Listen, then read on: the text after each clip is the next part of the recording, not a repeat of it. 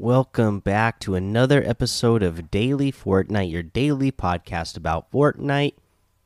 I'm your host, Mikey, aka Mike Daddy, aka Magnificent Mikey. Uh, so today, you know, there's no more new presents available. Uh, if you, you know, didn't get a chance to open your presents, I believe it was till January 14th that they said you would be able to open all of your presents. So if there was something you missed, uh, make sure you get in there now and start opening those presents.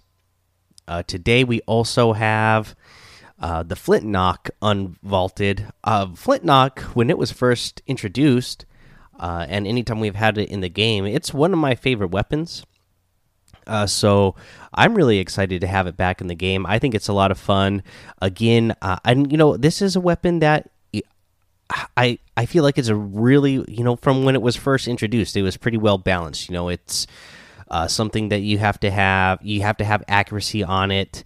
Uh, you know, it works best when it's it works mostly best when you're up close. Uh, you know, it's got that cool knockback feature, and if you really know how to, you know, get get an angle on your opponent, you can knock them back while keeping yourself uh, where you are wanting to be, uh, or you can even just use it to uh, gain height. that's another thing you can use for. So many great, useful things uh, for this one weapon that uh, you know. You, just get you get one shot off at a time. Then there's a long reload time. I just I think it's a I think it's a great weapon. Uh, in fact, you know, this is one I wish it was in there, you know, uh, more long term, but uh, it's just unvaulted for today.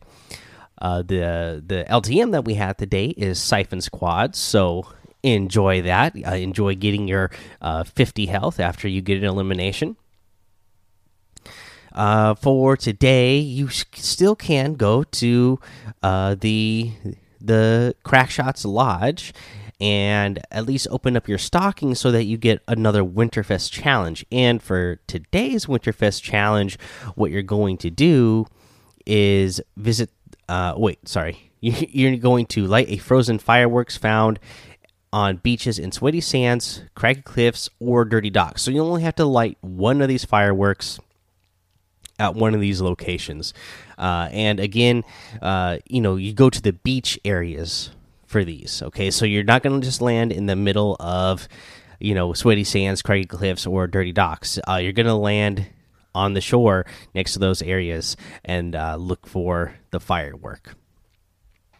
Uh, and then you get that cool 2020 glider. Uh, you know, it's just a, you know, it looks like the default glider, only it has a uh, big 2020 on it and a fireworks play in the background, which is pretty awesome. A lot better than the uh, the show that we got here in Seattle. So, like I told you guys, for New Year's Eve uh, into New Year's Day, I was working at my uh, at my other job, and uh, what was really awesome was that I had like the building I happened to be working at uh, you know, you could go to the top of the building, and uh, there was like this deck outside, and it had a perfect view of the of the Space Needle.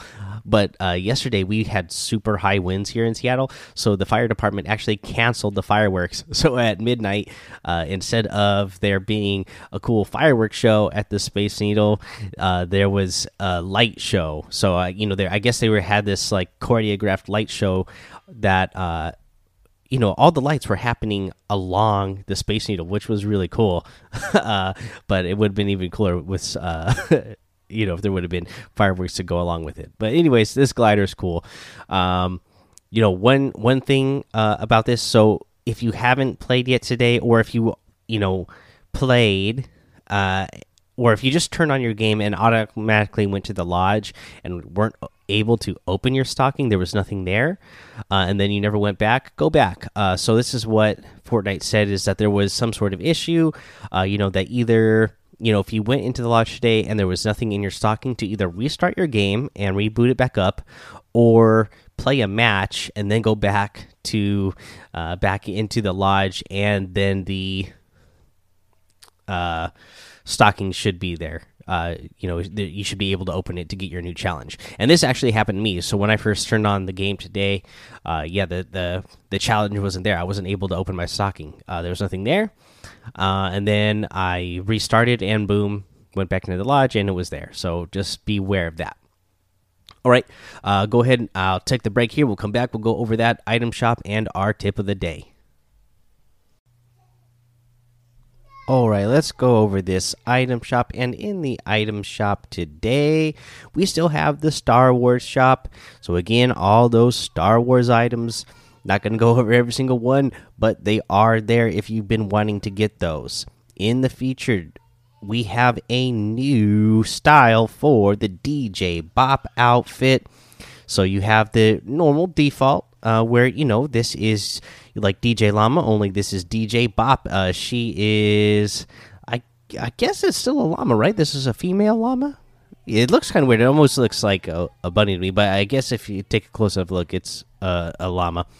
Uh, but it comes with a remix style now, uh, where it's got the, you know, it's still got like the lights on it for uh, kind of the EQ lights. Uh, only now the outfit, uh, she is not wearing the mask, uh, so pretty cool looking. Uh, you know the the outfit itself gets a little bit darker. The other one's a little bit uh, you know brighter blue. This one becomes a little bit more dark blue. I guess that's what the color is, from what I can tell. Uh, but yeah, pretty cool. Uh, I I'm a fan of it. I, I, I already like DJ Bop itself, and now that you have a flexible style, that's pretty awesome. Uh, you still have the Astra outfit in here. Again, I still absolutely love this one. I was playing with uh, Mudcats and Squeak City. Mudcats was wearing this, and yeah, I absolutely love this outfit. It looks good in game too. Uh, like you said, it, it kind of has a little bit of a glow to it, which maybe might make it a little bit more visible. That'd be the only downside, I suppose. But, um, you know, other than that, I really like it. Uh, the constellation wrap, still really love that. You have the uh, Yule Trooper outfit back in here uh, again. Uh, holidays are over, but uh, you know it's it's a it's a cool outfit. You have the branch basher harvesting tool and the ho ho ho wrap. Uh, the spark plug outfit in here, I love that. The whiplash outfit, the hand signals emote, the scorecard emote, the make it rain emote, and the glow stick harvesting tool. Still have the Darkfire bundle, Polar Legends pack, and the Wavebreaker starter pack in here as well. Uh, don't forget you can get all of this using code Mike Daddy M M M I K E D A D D Y in the item shop to help support the show. Hashtag sponsor. And for our tip of the day, uh, you know, I just saw this new video on YouTube from Pro Guides, and they were uh, analyzing some of Benjyfishy's uh, gameplay, and they made some good points in here at the very beginning of the video about uh, snipers and uh, you know how Benji seems to uh, really look for those snipe kills right at the beginning of the game because I'm one of those players. If I find a sniper at the beginning of, the, of a match, I'm like, oh no, this is horrible. I'm not gonna be able to defend myself. But you know what? If you are, if you land somewhere and you find that sniper, get back outside and look for because there's everybody's running around. Probably haven't put on shield yet. You're gonna be e easy elims, uh, just hitting people. Uh, you know, a lot of people. You're just gonna be able to hit them in the body uh, from that range and hit him for 100 and eliminate him. So that's you know uh, you know a pretty good time uh, to do it. Actually, uh, is if you find a sniper right off off a spawn, get back outside, look where people are landing, uh, and uh, take those take some snipe shots and try to get some early elims. All right, guys, that's the episode for today. Go join the daily Fortnite Discord and hang out with us. Follow me over on Twitch and YouTube. Mike Daddy on both of those places. Head over to Apple Podcast, leave a five star rating and a written review for a shout out on the show. Subscribe so you don't miss an episode. And until next time, have fun, be safe, and don't get lost in the storm.